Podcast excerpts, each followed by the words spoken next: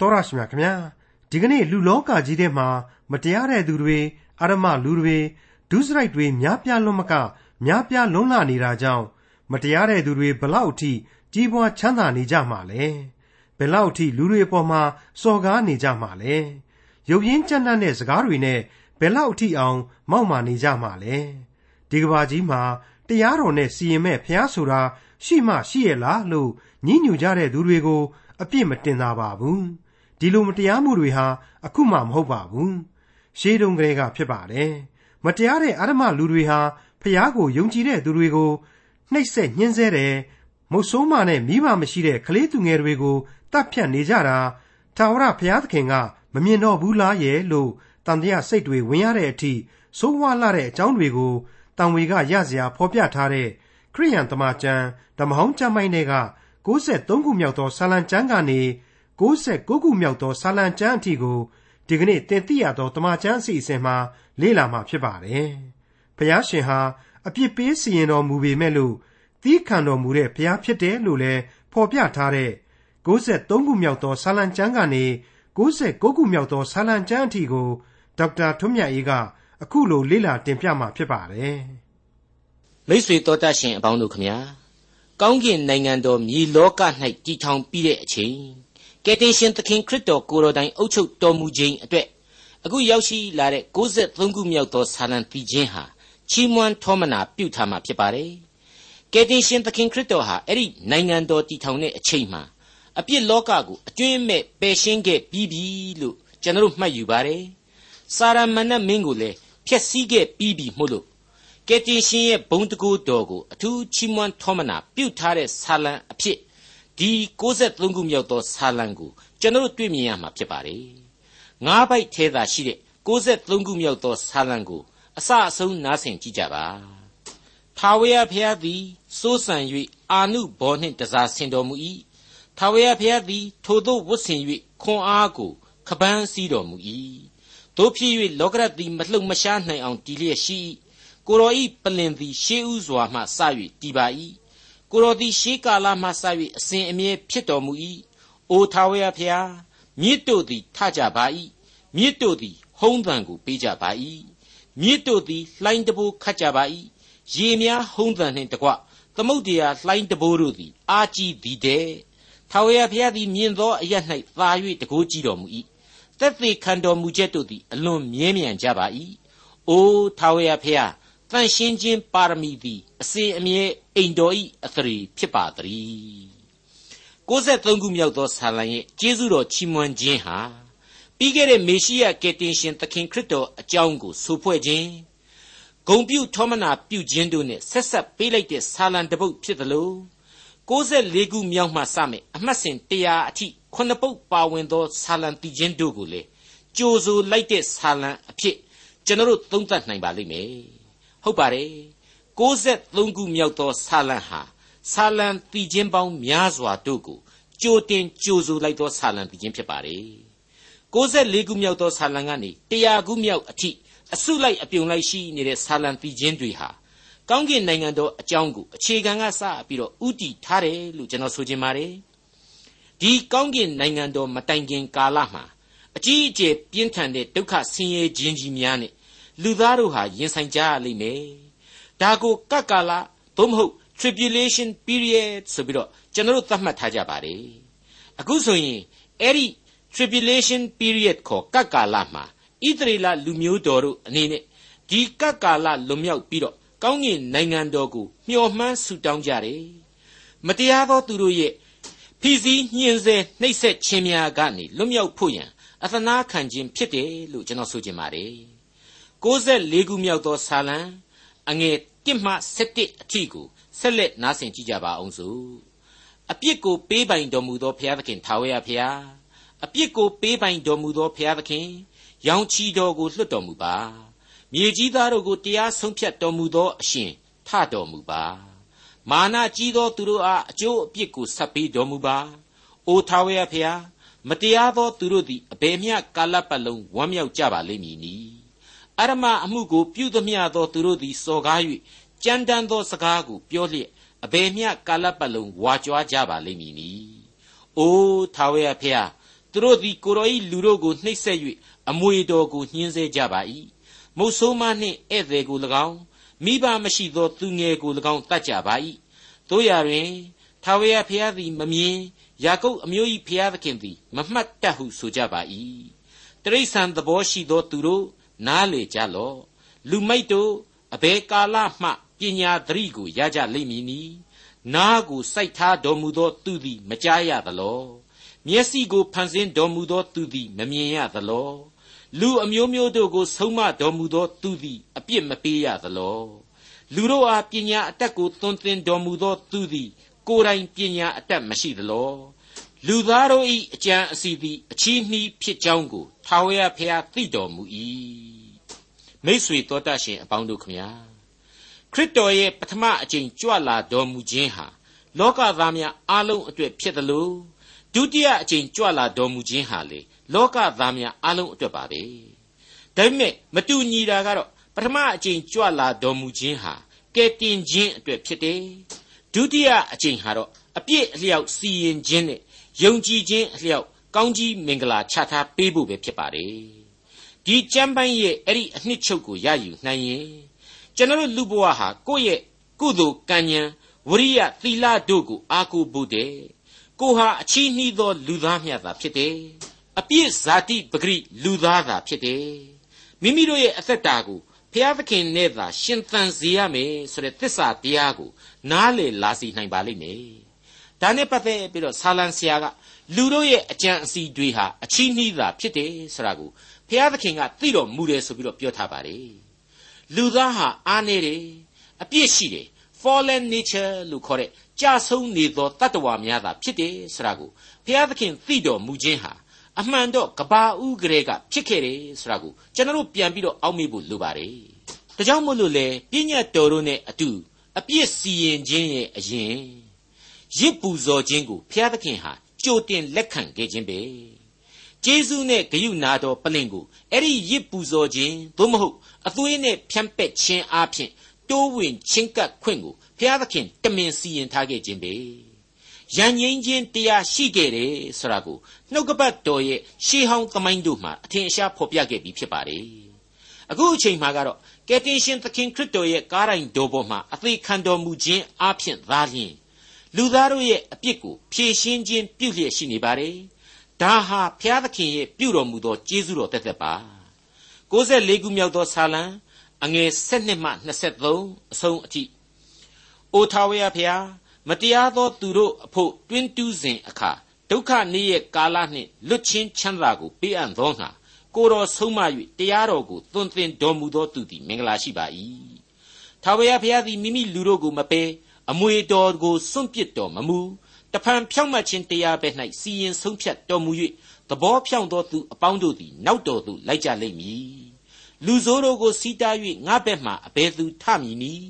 မတရားသောသူတို့ကိုစီးတား၍ငါဘက်မှအဘယ်သူနေမည်နည်း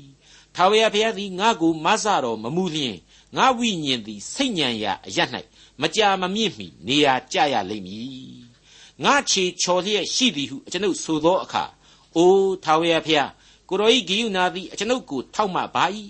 ကျွန်ုပ်၏နှလုံးထဲမှစိတ်များပြားသောအခါကိုတော်သည်တက်တာစေတော်မူသဖြင့်ကျွန်ုပ်၏ဝိညာဉ်သည်ရှင်လန်းပါ၏မတရားသောအကြံကိုမင်း၏အခွင့်နှင့်ပြုစုတတ်သောအရမယာစပလင်သည်ကိုတော်နှင့်မိသဟာယဖွဲ့ရပါမည်လောဖြောင့်မတ်သောသူ၏အသက်ကိုတတ်ခြင်းဟာစုဝေးကြပါ၏အပြစ်မရှိသောသူကိုသေစေခြင်းဟာစီရင်ကြပါ၏သို့တော်လေထာဝရဘုရားသည်ငါ၏ရဲတိုက်ဖြစ်တော်မူ၏ ငါ၏ဘုရားသခင်သည်ငါခိုလှုံရာကြောက်ဖြစ်တော်မူ၏သူတို့၏အပြစ်ကိုသူတို့အပေါ်သို့ရောက်စေတော်မူမည်အရမအမှုကိုပြုစဉ်တွင်ပင်ပယ်ဖြတ်တော်မူမည်ငါတို့၏ဘုရားသခင်ထာဝရဘုရားသည်သူတို့ကိုပယ်ဖြတ်တော်မူမည်ကဲတင်ရှင်မရှိရင်ဆိုပြီးတော့အစချီပြီးစဉ်းစားလိုက်လို့ရှိရင်လူသားရဲ့ဘဝဟာတည်ပြီးတော့ကြောက်စရာကောင်းတာပဲလို့ကျွန်တော်ဆိုချင်ပါတယ်ကျေးဇူးတော်ရှိနေတယ်ဆိုတာကိုသိတဲ့ကြားတွေကပဲ အမှားနဲ့အပြစ်နဲ့ဘယ်တော့မှမကင်းနိုင်တဲ့လူတို့ရဲ့ဘဝဟာတွေဝေရင်းရင်ခြင်းတွေလဲပြိုကြဆုံးရခြင်းတွေဖြစ်ရပါတယ်လူဘဝအတွက်အလုံးကြုံဆုံးသောအကွယ်အကားဟာအသက်ဆန်းရည်ကိုပေးသနာတဲ့ခရစ်တော်ကြီးဟူသောကြောက်သားလျင်ဖြစ်ပါတယ်ဖျားသခင်ဒီဟုသောရဲရိုက်ပင်လင်ဖြစ်ပါတယ်သင်သိရသောတမန်ကျမ်းရဲ့မိတ်ဆွေတော်တတ်ရှင်များခမညာ65ခုမြောက်သောဆာလံကနေ 69ခုမြောက်သောဆာလံတို့ဟာအခန်းခွဲထားပြီးမြဲဝမ်းမြောက်ခြင်းတေးရှိတပုတ်အဖြစ်ကျွန်တော်သုံးသပ်ချင်ပါတယ်အကယ်၍အခန်းများခွဲခြားလေ့လာမယ်ဆိုရင်တည်ခြင်း၅ပုတ်ဖြစ်မှာပါကျွန်တော်အနေနဲ့စုပေါင်းလေ့လာသင့်တယ်လို့ထင်တဲ့အတွက်ကြောင့်65ခုမြောက်မှ69ခုမြောက်သောဆာလံတို့ကိုပေါင်းစည်းဖော်ပြလိုက်ပါတယ်ပထမဦးဆုံး65ခုမြောက်သောဆာလံကိုနားဆင်ကြည့်ကြပါအငယ်1မှ7အဆုံးအထိ လာကြထာဝရဘုရားအားရှင်လန်းစွာပြီးခြင်းဆိုကြကုန်အံ့ငါတို့သည်ကဲတင်ခြင်းသို့ရောက်ရာကြောက်ကိုကျူးအေးကြကုန်အံ့ကျေးဇူးတော်ကိုချီးမွမ်းလျက်ရှိတော်သို့ဝင်၍ဆာလံတီခြင်းဆိုလျက်ကျူးအေးသောအသံကိုပြုကြကုန်အံ့ထာဝရဘုရားသည်ကြီးမြတ်သောဘုရားဖျားတကားတို့တဲ့ကြီးမြတ်သောဘုရင်ဖြစ်တော်မူ၏မြေကြီးနည်းနည်းရအရတ်တို့သည်လက်တော်၌ရှိကြ၏တောင်ထိပ်တို့ကိုလည်းပိုင်တော်မူ၏ပင်လေကိုလည်းဖန်ဆင်း၍ပိုင်တော်မူ၏ ကုန်းကိုလည်းလက်တော်နှင့်ပြုပြင်တော်မူ၏လာကြပြတ်ဝ၍ကိုးကွယ်ကြကုန်အံ့ငါတို့ကိုဖန်ဆင်းတော်မူသောထာဝရဘုရား၏ရှေ့တော်၌ဒူးထောက်ကြကုန်အံ့ထာဝရဘုရားသည်ငါတို့၏ဘုရားဖြစ်တော်မူ၏ငါတို့သည်လည်းအထံတော်၌ကျက်စားတော်သူလက်တော်အောက်၌နေသောသိုးစုဖြစ်ကြ၏ယနေ့တွင်သင်တို့သည်ဗျာဒိတ်တော်အသံကိုကြားလျက်ခိုင်မာသောစိတ်နှလုံးမရှိကြနှင့်သင်တို့အဖများသည်အနှစ်40ပတ်လုံး ငါကိုအနီးနီးစုံစမ်း၍ငါဤအမှုတို့ကိုမြင်ရသောတောတွင်ငါကိုဆန့်ကျင်ဘက်ပြု၍စုံစမ်းရာကာလ၌ရှိတဲ့ကဲ့သို့မရှိစေကြနှင့်ထိုလူမျိုးကိုငါယွန်သည်ဖြစ်၍သူတို့သည်စိတ်တော်မှားယွင်းတတ်သောလူမျိုးဖြစ်ကြ၏ငါဤအလေအလာတို့ကိုနားမလည်ကြဟုငါဆိုရ၏ထို့ကြောင့်သူတို့သည်ငါဤချမ်းသာတဲ့သို့မဝင်ရကြဟုအမျက်ထွက်၍ငါကြိမ်ဆို၏ ဆာလံဆရာဟာရှင်လန်းဝမ်းမြောက်စွာတည်ခြင်းဆိုပြီးတော့ဘုံတော်ကိုဖော်ပြလိုက်ပါတယ်ကျူးရင်လိုက်ပါတယ်အဲ့ဒီအခါမှာဝမ်းမြောက်ပျော်ရွှင်ခြင်းနဲ့တက်ကြွနေတဲ့လူသားတို့အဖို့ပြန်လဲစဉ်းစားရာအတိတ်သင်ခန်းစာများကိုလည်းအမှတ်ရစေဖို့ရန်အတွက်ကျိန်ဆိုရာစကားများနဲ့တမင်ဏီကုန်းချုပ်ပေးလိုက်တယ်လို့ကျွန်တော်ခံယူမိပါတယ်မိษွေတော်တတ်ရှင်အပေါင်းတို့ခမညာအခုဆာလံတီချင်းတို့ရဲ့အပိုင်းအခြားကြီးဟာ တောလေယာကျမ်းများရဲ့အရေးအငွေ့တွေကိုခန်းစားရစေတဲ့အပိုင်းဖြစ်တယ်လို့ကျွန်တော်ကြိုတင်ဖော်ပြခဲ့ပြီးဖြစ်ပါတယ်60ခုမြောက်သောဆာလံဟာမောရှိရေးဖွဲ့ခဲ့ပြီးတော့တောလေယာကာလအတွင်းကလူမျိုးတော်ရဲ့မိုက်မဲမှုတွေအပြစ်တရားကြောင့်သေပြစ်စီရင်ခံရခြင်းတွေကိုကျွန်တော်ကိုရှင်းရှင်းလင်းလင်းဖော်ပြခဲ့ပြီးခဲ့လို့ကျွန်တော်လည်းသေသေးချာကြားနာခဲ့ရပြီးဖြစ်ပါတယ်အခု65ခုမြောက်သောဆာလံမှာဆိုရင်လူမျိုးတော်တို့ရဲ့တောလေယာခရီးမှာ ငါ့ကိုပုံကန်ဆန့်ကျင်တာမျိုးနောက်ထပ်မလုပ်ကြနဲ့ဟေဆိုပြီးတော့ဘုရားသခင်ဟာထပ်မံသတိပေးလိုက်ကြောင်းကိုတွေ့ရပါတယ်ကျေးဇူးတော်ကိုနားလေခံယူသောလူတိုင်းအဖို့ဘုရားသခင်ရဲ့နှုတ်ကပတ်တော်ကိုအစဉ်လိုက်နာစောင့်ထိန်ကြရလိမ့်မယ်လို့ဖော်ပြလိုက်တဲ့အကြောင်းပဲဖြစ်ပါတယ်ခင်ဗျာ66ခုမြောက်သောဆာလံအငယ်1မှ6ကိုဆက်လက်နားဆင်ကြကြပါအောင်စို့ထာဝရဘုရားအားအသစ်သောတည်ခြင်းကိုဆိုကြလော့ မြေကြီးသားအပေါင်းတို့ထာဝရဘုရားအားတည်ခြင်းဆိုကြလော့ထာဝရဘုရားအားတည်ခြင်းဆို၍နာမတော်ကိုကောင်းကြီးပေးကြလော့ကဲတင်တော်မူခြင်းတရားကိုတနေ့တည်းတနေ့ညွှန်ကြားကြလော့ဘုံတော်ကိုတပါးအမျိုးသားတို့၌၎င်းအံ့ဘွယ်သောအမှုတော်တို့ကိုခတ်သိမ်းသောလူမျိုးတို့၌၎င်းဖော်ပြကြလော့ထာဝရဘုရားသည်ကြီးမြတ်၍အလွန်ချီးမွမ်းဖွယ်ဖြစ်တော်မူ၏ဖျားတကားတို့တဲ့ကြောက်ရွံ့ဖွယ်ဖြစ်တော်မူ၏ တပါးမျိုးသားတို့၏ဖျားရှိသမျှတို့သည်အချီးနှီးတက်တက်ဖြစ်ကြ၏ထာဝရဘုရားမူကားမိုးကောင်းကင်ကိုဖန်ဆင်းတော်မူ၏ဘုံတကောအာနုဘော်တော်သည် ရှေ့တော်၌ရှိ၏အစွမ်းတတ္တိနှင့်ဂုံအသရေလေတန်ရှင်းရာဌာနတော်၌ရှိ၏ဘုရားသခင်ကိုယုံကြည်ခြင်းပုံစံဟာရှေးကာလနဲ့ဓမ္မသစ်ကာလမတူမညီပဲပြောင်းလဲသွားခဲ့ရပါတယ်ဒါကိုဆာလံဆရာဟာကြိုတင်ပြီးတော့ဖော်ပြလိုက်တယ်လို့ကျွန်တော်ခံယူပါတယ်ဒါကြောင့်မလို့ အသစ်သောတည်ခြင်းကိုဆိုကြလော့လို့ဖော်ပြလိုက်တာပါပဲဒီအသစ်သောတည်ခြင်းဟာကဲတင်ခြင်းတရားကိုလူသားတို့အတွက်ညွှန်ကြားနေမဲ့တည်ခြင်းလည်းဖြစ်စီရလိမ့်မယ်လို့ကျွန်တော်အလေးအနက်နားလည်လိုက်ရပါတယ်66ခုမြောက်သောဆာလံအငယ်9မှ73အဆုံးအထိလူအမျိုးမျိုးတို့ထာဝရဘုရားသည်ဘုံတကုအစွန်းတတ္တိရှိတော်မူသည်ဟုဝန်ခံကြလော့ရှိတော်မူသည်ဟုဝန်ခံကြလော့ထာဝရဘုရား၏နာမတော်သည် ဘုံကြီးတော်မူသည်ဟုဝန်ခံကြလော့ပူဇော်သက်ကာကိုဆောင်ခဲ့လျက်တတိုင်းတော်သို့ဝင်ကြလော့တန်ရှင်းသောတစားကိုဆင်၍ထာဝရဘုရားကိုကိုးကွယ်ကြလော့မြေကြီးသားအပေါင်းတို့ရှေ့တော်၌ကြောက်ရွံ့ခြင်းရှိကြလော့ထာဝရဘုရားစိုးစံတော်မူသည်ဟုတပါးအမျိုးသားတို့တွင် ဟောပြောကြလော့လောကရတ်သည်မလှုပ်ရှားနိုင်အောင်မြဲမြံစွာတည်လိမ့်မည်လူများကိုဖြောင့်မတ်စွာတရားစီရင်တော်မူလိမ့်မည်ကောင်းကင်သည်ဝမ်းမြောက်ခြင်းရှိစေ မြေကြီးသည်လည်းရှင်လန်းခြင်းရှိစေပင်လယ်နှင့်ပင်လယ်တစားသည်အသံပလံကိုပြုစေလေပြင်းနှင့်လေပြင်း၌ရှိသမျှသည်လည်းဝမ်းမြောက်စေထိုအခါတော၌ရှိသမျှသောအပင်တို့သည်ထာဝရဘုရားရှေ့တော်တွင်ရှင်လန်းစွာတည်ခြင်းဆိုကြလိမ့်မည်အကြောင်းမူကားကိုတော်သည်ကြွလာတော်မူ၏မြေကြီးသားတို့ကိုတရားစီရင်ခြင်းဟာကြွလာတော်မူ၏လောကသားတို့ကိုဖြောင့်မတ်ခြင်းတရားနှင့်၎င်း လူများကိုတစ္ဆာတော်နှင့်၎င်းစီရင်ဆုံးဖြတ်တော်မူလက်တံကဲတင်ခြင်းတရားကိုလက်ကင်ထားရမယ့်အချိန်ရှိသလိုကတ်ကာလရဲ့တရားစီရင်ရာအချိန်ဆိုတာဟာလေမလွဲမသွေရောက်ရှိလာအောင်မှသာဖြစ်ပါတယ်အဲ့ဒီတရားစီရင်ခြင်းဟာလောကကဘာသာအလုံးနဲ့သက်ဆိုင်နေပါတယ်လောကသားအလုံးအဖို့ကယ်တင်ခြင်းတရားဆိုတာဟာရှိပြီးသားဖြစ်ပါတယ်ဒါကြောင့်မို့လို့လေ ခရစ်တော်ရဲ့ကောင်းကင်ဘုံကိုတက်ကြွဂာနီအမိန်တော်ဟာတခြားမဟုတ်ပါဘူးသင်တို့အပေါ်သို့တန်ရှင်းသောဝိညာဉ်တော်ဆင်းသက်သောအခါ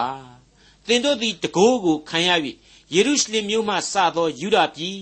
ရှမာရိပြည်မြေကြီးစွန်းတိုင်အောင်ငါဤသက်သည်ဖြစ်ကြလိမ့်မည်ဆိုပြီးတော့မိန့်မာတော်မူခဲ့ခြင်းပဲဖြစ်ပါတယ်ရှင်မသက်ခရစ်ဝင်ကျမ်းသင်ခန်းစာတို့ရဲ့ဏိဂုံးမှာခရစ်တော်မိန့်ကြားခဲ့တာကတော့ သင်တို့သွား၍လူမျိုးတကာတို့ကိုငါဤတပည့်ဖြစ်စေလျက်ခမည်းတော်သားတော်တန်ရှင်းသောဝိညာဉ်တော်ဤနာမ၌ဗတ္တိဇံကိုပေးကြလော့ငါသည်သင်တို့အားပေးသမျှသောပြည့်ညတ်တော်တို့ကိုစောင့်ရှောက်စေခြင်းဟာဆုံးမဩဝါဒပေးကြလော့ငါသည်လည်းကကဘာကုံသည့်တိုင်အောင်သင်တို့နှင့်အတူအစင်မပြတ်ရှိသည်ဟုတပည့်တော်တို့အားမိန့်တော်မူ၏ဆိုပြီးတော့ဖြစ်ခဲ့ပါတယ်ကဲတင်ခြင်းတရားကိုလူသားတိုင်းနားလည်အောင်ပြောဖို့ တက်သေးထင်ရှားစွာ ပြသနိုင်ဖို့အတွက်ယုံကြည်သူတိုင်းမှာတာဝန်ရှိတဲ့အကြောင်းတင်ပြလိုက်ပါရစေ68ခုမြောက်သောဆာလံအငယ်1မှ9ထာဝရဘုရားသည်စိုးစံတော်မူ၏မြေကြီးသည်ဝမ်းမြောက်၍ကျွန်းများတို့သည်လည်းရွှင်လန်းကြစေမိုးတိမ်နှင့်ပေါင်မိုက်တို့သည်လည်းထာဝရဘုရား၏ဝန်းကျင်တို့၌ရှိကြ၏တရားသဖြင့်စီရင်ခြင်းဖြောက်မတ်စွာဆုံးဖြတ်ခြင်းသည်ပလင်တော်ဤတရားဖြစ်၏မိသည်ရှေ့တော်၌လောင်သွား၍ ရန်သူတို့ကိုအလှဲ့လှဲ့လောင်လေ၏လျှက်စစ်တော်သည်လောကရတ်ကိုလင်းစေ၏မြေကြီးသည်မြင်၍တုန်လှုပ်၏ထာဝရဘုရားရှိမြေကြီးတစ်ပြင်လုံးကိုအစိုးရတော်မူသောအရှင်ဤရှေ့တော်၌တောင်တို့သည်ဖျောင်းကဲ့သို့အရေးဖြစ်ကြ၏ဖြောင့်မတ်တော်မူခြင်းအကြောင်းကိုကောင်းကင်တို့သည်ထင်ရှားစွာပြ၍လူများအပေါင်းတို့သည်ဘုန်းတော်ကိုမြင်ရကြ၏ရုတ်တုစင်တုကိုဝတ်ပြုသောသူ အချီးနှီးတက်တက်သောအရာ၌ဝါကြွားသောသူအပေါင်းတို့သည်အရှက်ကွဲခြင်းရှိကြစေဖျားအပေါင်းတို့ထာဝရဖျားကိုပြတ်ဖို့ကိုးကွယ်ကြလော့ဖျားသခင်ကိုကိုးကွယ်စည်းကပ်ခြင်းဆိုတာဟာလေတကယ်တော့ဖျားသခင်အတွက်မဟုတ်ပါဘူးကိုနဲ့ကိုဝိညာဉ်အတွက်သာပဲဖြစ်ပါတယ်ကိုရဲ့ကောင်းကင်ဘုံကိုရောက်ဖို့အပြည့်ရဲ့သေခြင်းကနေလွတ်မြောက်ဖို့ပဲမဟုတ်ဘူးလားဒီဝန်တုပ်ဝန်ပိုးဟာကိုနဲ့သာဆိုင်တဲ့ဝန်တုပ်ပဲလို့လည်းဆိုကြပါတယ် မျှဝေယူလို့မရနိုင်ကောင်းပါဘူးဒီအကျိုးအပြစ်အလုံးစုံတို့ကိုတူးချင်းခံယူရမယ့်လူသားတို့အဖို့ခရစ်တော်ရဲ့ကယ်တင်တော်မူခြင်းအကြောင်းကိုနားလည်နိုင်ဖို့ရန်တင်သိရသောတမန်ကျမ်းဟာအကောင်းဆုံးပြင်ဆက်ပေးနေခြင်းပဲဖြစ်ပါတယ်68ခုမြောက်သောဆာလံအငယ်8မှ7အိုးထာဝရဘုရားကိုတော်သည်တရားစီရင်တော်မူချက်တို့အကြောင်းကြောင့်ဇီးအုံမြို့သည်ကြား၍ရှင်လန်းပါ၏ယူဒသတို့သမီးတို့လည်းဝမ်းမြောက်ကြပါ၏ အိုးထာဝရဘုရားကိုတော်သည်မြေကြီးသားအပေါင်းတို့တည်းကြီးမြတ်တော်မူ၏ဖျားတကာတို့တည်းအလွန်ချီးမြှောက်ခြင်းရှိတော်မူ၏ထာဝရဘုရားကိုချစ်သောသူတို့မကောင်းသောအမှုကိုယွန်ရှာကြလော့ကိုတော်ဤတန်ရှင်းသူတို့ဤအသက်ဝိညာဉ်ကိုစောင့်မတော်မူ၍မတရားသောသူတို့ဤလက်မှလည်းကဲနှုတ်တော်မူ၏အလင်းသည်တရားသောသူအဖို့ဝမ်းမြောက်ခြင်းသည်သဘောဖြောင့်သောသူတို့အဖို့ပြိုးကျဲလျက်ရှိ၏ဖြောင့်မတ်သောသူတို့ ထာဝရဘုရားကိုအမိပြု၍ဝမ်းမြောက်ကြလော့တန်ရှင်းသောနာမတော်ကိုချီးမွမ်းကြလော့ဘုရားသခင်ကိုချစ်သောသူဟာမကောင်းသောအမှုကိုယွန်ရှာရမယ်ဆိုတာကိုအခုဆာလံကျမ်းပိုင်းဟာအထူးပြုထားပါတယ်အဲ့ဒါဟာကိုကိုကိုညင်းပယ်ခြင်းသဘောလို့ကျွန်တော်ခံယူပါတယ်တကယ်တော့လူဇာတိပဂရိဟာအပြစ်နဲ့ပြည့်ဝနေတဲ့ဇာတိခန္ဓာဖြစ်တယ်ကျွန်တော်တို့ဟာဘဝတဏှာကို ယုံထွက်နိုင်ခဲ့တဲ့လူတွေဆိုတာကိုကျွန်တော်နားလည်ကြပြီးသားပါယောမဩဝါဒစာမှာတမန်တော်ကြီးရှင်ပေါလုဖော်ပြခဲ့တဲ့အချက်ကိုဒီနေရာမှာပြန်လည်စဉ်းစားသင့်ပါတယ်ယောမဩဝါဒစာအခန်းကြီး3အငယ်6မှ20အတွင်းမှာဖတ်ကြည့်မယ်ဆိုရင်ကျမ်းစာလာသည်ကဖြောင့်မတ်သောသူမရှိတယောက်မျှမရှိနားလေသောသူမရှိဘုရားသခင်ကိုရှာသောသူမရှိလူအပေါင်းတို့သည်လမ်းလွဲကြပြီတညီတညက်ကြီးအသုံးမရသောသူဖြစ်ကြပြီ ကောင်းသောအကျင့်ကိုကျင့်သောသူမရှိတယောက်မျှမရှိသူတို့၏လေကြောင်းသည်ဖွင့်ထားသောသင်္ချိုင်းတွင်ဖြစ်၏သူတို့သည်ရှာနှင့်လှည့်စားတတ်ကြ၏သူတို့နှုတ်ခမ်းထဲမှမွေစိုးအစိတ်အတောက်ရှိ၏သူတို့နှုတ်သည်ကျိန်ဆဲသောစကားကြမ်းတမ်းသောစကားနှင့်ပြည့်ဝ၏သူတို့ခြေသည်လူအသက်ကိုတတ်ခြင်းဟာလျင်မြန်၏သူတို့သွားရလမ်း၌ပျက်စီးခြင်းဒုက္ခဆင်းရဲခြင်းရှိ၏ချမ်းသာလမ်းကိုသူတို့မသိကြ ဘုရားသခင်ကိုကြောက်ရွံ့ရသောအကြောင်းသည်သူတို့မျက်စိ၌မထင်ဟုကြမ်းစာလာသည်ပညာတရား၌ပါသမျှသောစကားတို့သည်ပညာတရားကိုခံသောသူတို့နှင့်ဆက်ဆိုင်သည်ကိုငါတို့သိကြ၏ထို့သောဖြစ်၍လောကီသားအပေါင်းတို့သည်စကားတခွန်းကိုမျှမပြောနိုင်ပေဖျားသခင်ရှေ့တော်၌အပြစ်သင့်သောသူဖြစ်ကြ၏ထိုသောပညာတရားသည်ဒုစရိုက်အပြစ်ကိုထင်ရှားစေသည်ဖြစ်သောကြောင့်ပညာတရား၏အကျင့်အားဖြင့် ဖျားသခင်ရှေ့တော်၌အဘယ်သူမျှဖြောင့်မတ်ရာသို့မရောက်ရရှင်းနေအောင်ဖော်ပြထားခြင်းပါပဲဒီတော့ဘယ်လို့မှအပြစ်တရားကနေမလွတ်သားတဲ့ဇာတိပဂရိလူသားအနေနဲ့ကိုယ့်ကိုယ်ကိုညှင်းပယ်ရမယ်ဆိုတဲ့အချက်ဟာပုံမထင်ရှားလာပါတယ်အမှန်တော့လူဟာလူပီပီရှင်သန်တယ်ဆိုရင်ဖျားသခင်ရှေ့မှာအပြစ်ဘယ်လို့မှမလွတ်နိုင်ပါဘူးဒါပေမဲ့အဲ့ဒီလိုအပြစ်မလွတ်နိုင်ပဲရှိတဲ့လူဘဝမှာပဲ လူလိုပဲရှင်သန်ရင်းနဲ့အပြစ်မှလွတ်နိုင်ဖို့ရန်အတွက်ကယ်တင်ရှင်ကိုယုံကြည်ခြင်းဆိုတာဟာလိုအပ်လာပြန်ပါတယ်ယုံကြည်ခြင်းဆိုတဲ့အကျင့်တရားပေါ့ပြီးလွယ်စည်းကြောင်းတော့လည်းမဟုတ်ဘူးနော်ပေးဆက်ရခြင်းတွေရှိတယ်ကိုယ့်ရဲ့ဇာတိပဂရိအားနည်းချက်အလုံးစုံကိုခရစ်တော်အသေးခံရာကားတိုင်းတော်ရှေ့မှာချထားပြီးတော့နောင်တနဲ့ကျိုးပဲ့ကြေမွာသောစိတ်အစဉ်နဲ့ခရစ်တော်ကိုကိုးကွယ်ဖို့ဆိုတဲ့အချက်တွေပါဝင်လာပါတယ်ဒါကိုပဲတမန်တော်ကြီးရှင်ပေါလုက ယောမဩဝါဒစာအခန်းကြီး၄ရဲ့အငယ်၁ကနေ9အတွင်းမှာအခုလိုဆက်ပြီးဖော်ပြထားပြန်ပါတယ်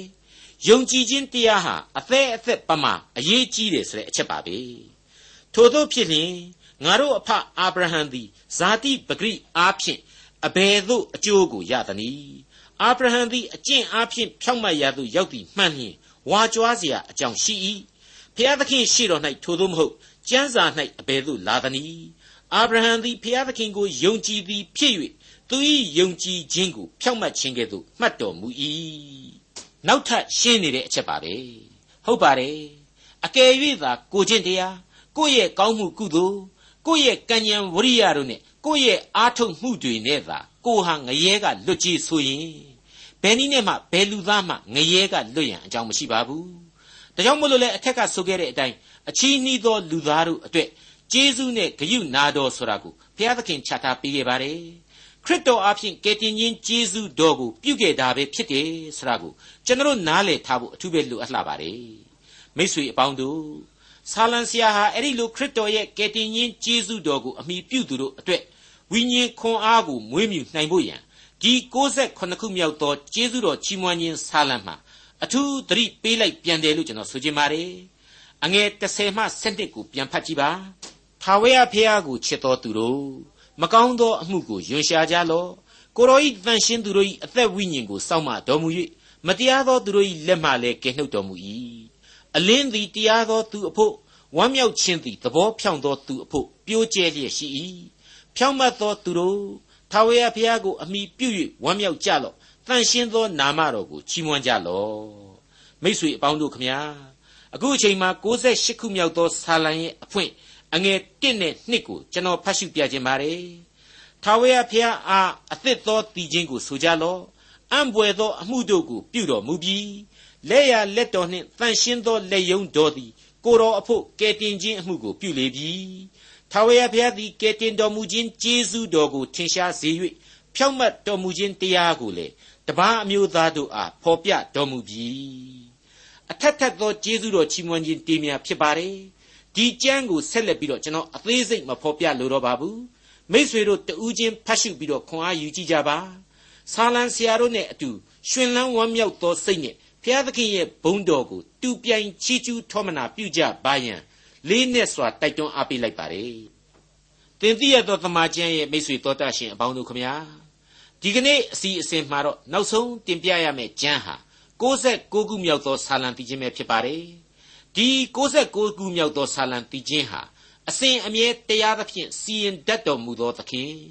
တန်ရှင်းမြင့်မြတ်တော်မူသောဘုရားသခင်အဖြစ်ဘုရားသခင်ရဲ့ဘုန်းတော်ကိုထင်ရှားစေမဲ့ဆာလံ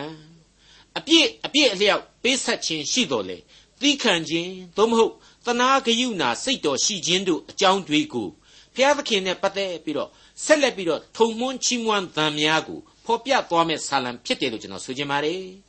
69ခုမြောက်သောဆာလံရဲ့အငယ်1မှ9ကိုနားဆင်ခြင်းအဖြစ်ဒီကနေ့အစီအစဉ်ကိုကျွန်တော်ရန်နာပါရစေ။ထာဝရဘုရားသည်စိုးစံတော်မူ၏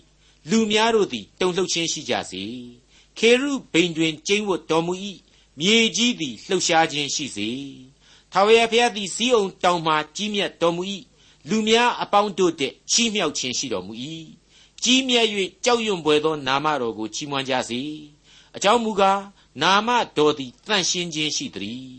တရားကိုနှစ်သက်သောရှင်ဘုရင်၏တကိုးတော်ကိုချီးမွမ်းကြစေကိုတော်သည်မှန်သောစီရင်ခြင်းကိုတည်စေတော်မူ၏ယာကုပ်အမျိုး၌တရားသဖြင့်ပြု၍ဖြောင့်မတ်စွာဆုံးဖြတ်တော်မူ၏ငါတို့ဘုရားသခင်ထာဝရဘုရားကိုချီးမြှောက်ကြလော့ခြေတော်တင်ရာခုံအောက်၌ပြတ်ဖို့ကိုးကွယ်ကြလော့အကြောင်းမူကားကိုတော်သည်တန်ရှင်းတော်မူသည်ယေပရောဟိတ်မောရှိနှင့်အာယုန်နာမတော်ကိုပထနာပြုသောသူရှမွေလ ဤသူတို့သည်ထာဝရဘုရားကိုပထနာပြု၍ကိုတော်သည်ထူတော်မူ၏သူတို့အားမိုးတိမ်တိုင်တဲကမိန့်တော်မူ၏သူတို့သည်လည်းတက်သေးခံတော်မူချက်များကို၎င်းစီရင်ထုံးဖွဲ့တော်မူချက်များကို၎င်းစောင့်ရှောက်ကြ၏အကျွန်ုပ်တို့၏ဘုရားသခင်ထာဝရဘုရားကိုတော်သည်သူတို့ကိုထူတော်မူ၏သူတို့အမှုကြောင့်အပြစ်ပေးတော်လေသူတို့ကိုသီးခံတော်ဘုရားဖြစ်တော်မူ၏ငါတို့၏ဘုရားသခင်ထာဝရဘုရားကိုချီးမြှောက်ကြလော့ တန်ရှင်းသောတောင်တော်မှပြတ်ဝတ်ကိုးကွယ်ကြလော့အကြောင်းမူကားငါတို့၏ဘုရားသခင်ထာဝရဘုရားသည်တန်ရှင်းတော်မူသည်အာမင်ဒေါက်တာထွန်းမြတ်ရေးစီစဉ်တင်ဆက်တဲ့တင်ပြရသောတမချန်းအစီအစဉ်ဖြစ်ပါတယ်နောက်တစ်ချိန်အစီအစဉ်မှာခရိယန်တမချန်းဓမ္မဟောင်းကျမ်းပိုင်းမှာပါရှိတဲ့အခုတရားမြောက်သောဆာလံကျမ်းကိုလေ့လာမှဖြစ်တဲ့အတွက်စောင့်မျှော်နားဆင်နိုင်ပါတယ်။